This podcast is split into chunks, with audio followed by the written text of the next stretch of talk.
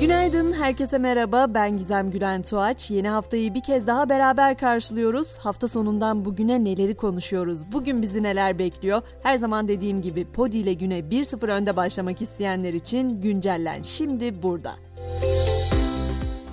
İstanbul Büyükşehir Belediye Başkanı ve Millet İttifakı Cumhurbaşkanı Yardımcısı adayı Ekrem İmamoğlu'nun Erzurum'da düzenlediği mitingde ortalık karıştı. Miting alanının hemen yanında toplanan bir grup İmamoğlu'nun bulunduğu otobüse ve alandaki vatandaşlara taş ve yanlarında getirdikleri bazı cisimleri fırlatmaya başladı.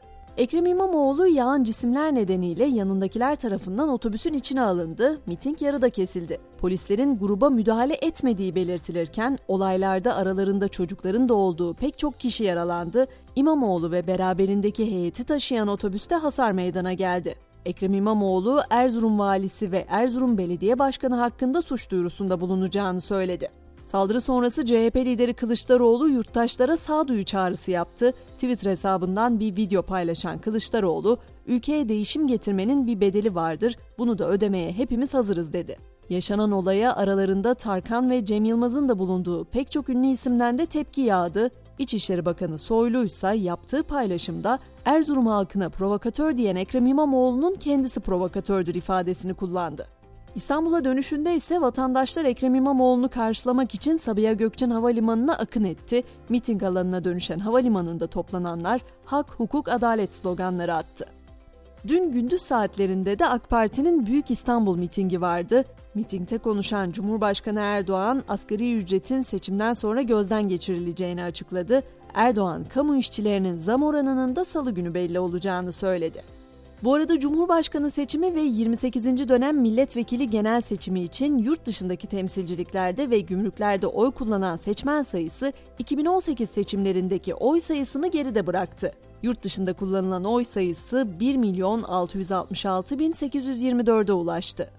Eğitime de seçim arası verilecek. Milli Eğitim Bakanı Özer de 14 Mayıs'ta yapılacak seçimlerin ertesi günü 15 Mayıs'ta eğitim öğretime bir gün ara verileceğini açıkladı. Öğretmenler de yine aynı gün idari izinli sayılacak. Seçim notlarını böyle özetlemiş olalım ve gelelim deprem bölgesine. Türkiye'yi sarsan Kahramanmaraş merkezli depremlerin üzerinden tam 3 ay geçti. Depremlerden bugüne 33.077 artçı sarsıntı kaydedildi ve bölge hala sallanmaya devam ediyor. Son olarak Hatay'ın Kırıkhan ilçesinde 4,7 büyüklüğünde bir deprem meydana geldi. Gelelim bir diğer konuya sıfır araç satışlarında yeni düzenlemeye gidildi. Düzenleme ile araç satışından kaçınan, yüksek fiyat talebinde bulunan veya tüketiciyi aksesuar almaya zorlayan firmaların yetki belgesi iptal edilecek. Yavaş yavaş dünya gündemine doğru ilerleyelim. Dört ülkenin katılacağı Suriye toplantısının tarihi belli oldu. Dışişleri Bakanı Çavuşoğlu, Türkiye, Rusya, İran ve Suriye arasında Moskova'da Dışişleri Bakanları düzeyinde gerçekleşecek toplantı için 10 Mayıs tarihinin teyit edildiğini açıkladı. 70 yılın ardından İngiltere'de ise ilk kez taç giyme töreni düzenlendi. Kraliçe Elizabeth'in ölümünün ardından tahta çıkan Kral Charles tacına kavuştu. Kraliyet üyelerinin yanı sıra siyasi liderler ve ünlü isimlerin de olduğu törene 203 ülkeden 2000'in üzerinde davetli katıldı. Sosyal medya şakalarının kraliçesi ise Katy Perry oldu. Törende oturacağı yeri bulamayan ABD'li şarkıcı sosyal medyanın diline düştü. Yok mu Gizem şöyle bir yapay zeka haberin dediğinizi duyar gibiyim. Google yapay zeka teknolojisiyle ilgili çalışmalarını sürdürüyor ve bu teknolojinin farklı alanlarda kullanımını artırıyor. Yeni özellik kullanıcıların mesajlarına otomatik yanıt oluşturma yeteneği sağlıyor. Yapay zeka teknolojisi sayesinde uygulama kullanıcının mesajına uygun bir yanıt önerisi sunarak zaman kazandırıyor. Son haberim ise sinema dünyası ile ilgili. Hollywood'da sinema ve dizi sektöründe görevli binlerce senarist ve yazar biliyorsunuz greve gitti ve grevin etkilediği diziler arasına Stranger Things de katıldı.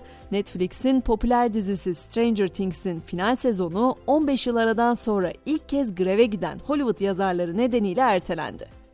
Artık spor diyelim Fenerbahçe zirve yarışında kritik bir puan kaybı yaşadı. Süper Lig'in 33. haftasında Fenerbahçe deplasmanda Giresunspor'la 1-1 berabere kaldı.